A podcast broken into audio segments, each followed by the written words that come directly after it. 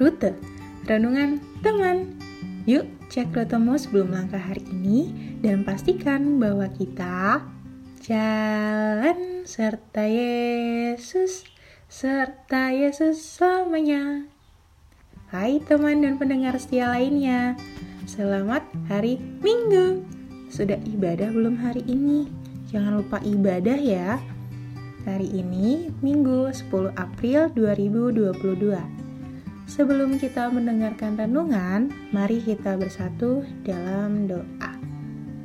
Ya Tuhan Yesus, berikan kami telinga dan hati yang siap untuk mendengar dan melakukan segala kehendak-Mu hari ini.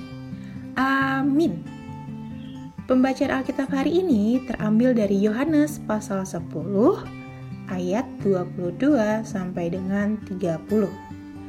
Teman-teman bisa membaca secara pribadi dengan Alkitab yang teman-teman punya ya.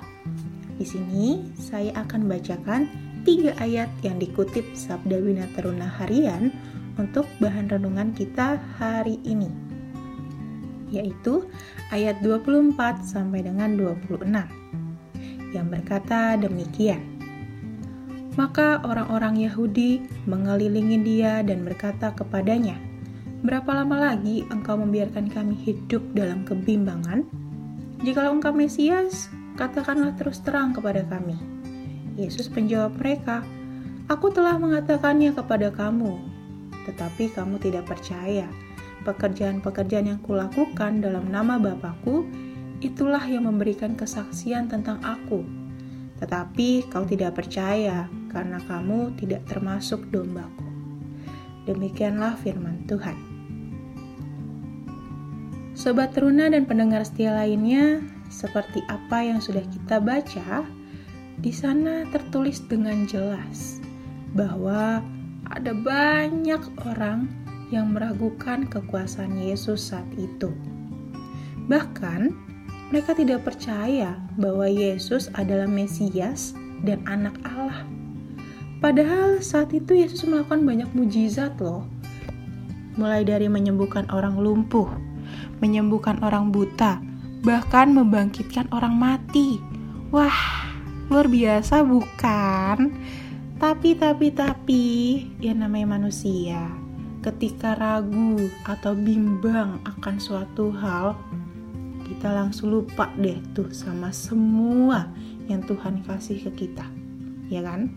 Akhirnya apa? Menyalahkan keadaan, bahkan yang lebih parah, menyalahkan Tuhan. Waduh, jangan sampai seperti itu ya, teman-teman. Hmm, memang tidak mudah menjadi murid Tuhan Yesus ketika diperhadapkan dengan tantangan atau pergumulan yang membuat kita ragu dan bimbang atas diri sendiri dan Tuhan tentunya kita lebih sering memilih untuk mencari jalan keluar sendiri, ya gak sih? Terus kita sering banget melupakan Tuhan. Kita merasa bahwa, oh aku bisa menghandle semuanya sendiri, gitu. Padahal realitanya Tuhan Yesus tuh gak pernah loh jauh dari kita. Ia selalu siap sedia 24 jam untuk mendengar dan menolong kita ketika kita yakin dan percaya bahwa kehendak Tuhan Yesus adalah yang terbaik, maka kita akan mendapatkan yang terbaik lebih dari apa yang baik menurut kita. Mari kita berdoa. Ya Tuhan Yesus yang baik, ajar kami untuk senantiasa membuka hati dan pikiran yang hanya tertuju kepadamu Kiranya kasihmu mau selalu melingkupi kehidupan kami setiap hari. Amin. Selamat menjalankan rutemu hari ini dalam pimpinan Roh Kudus. Tuhan Yesus sertai selalu. thank you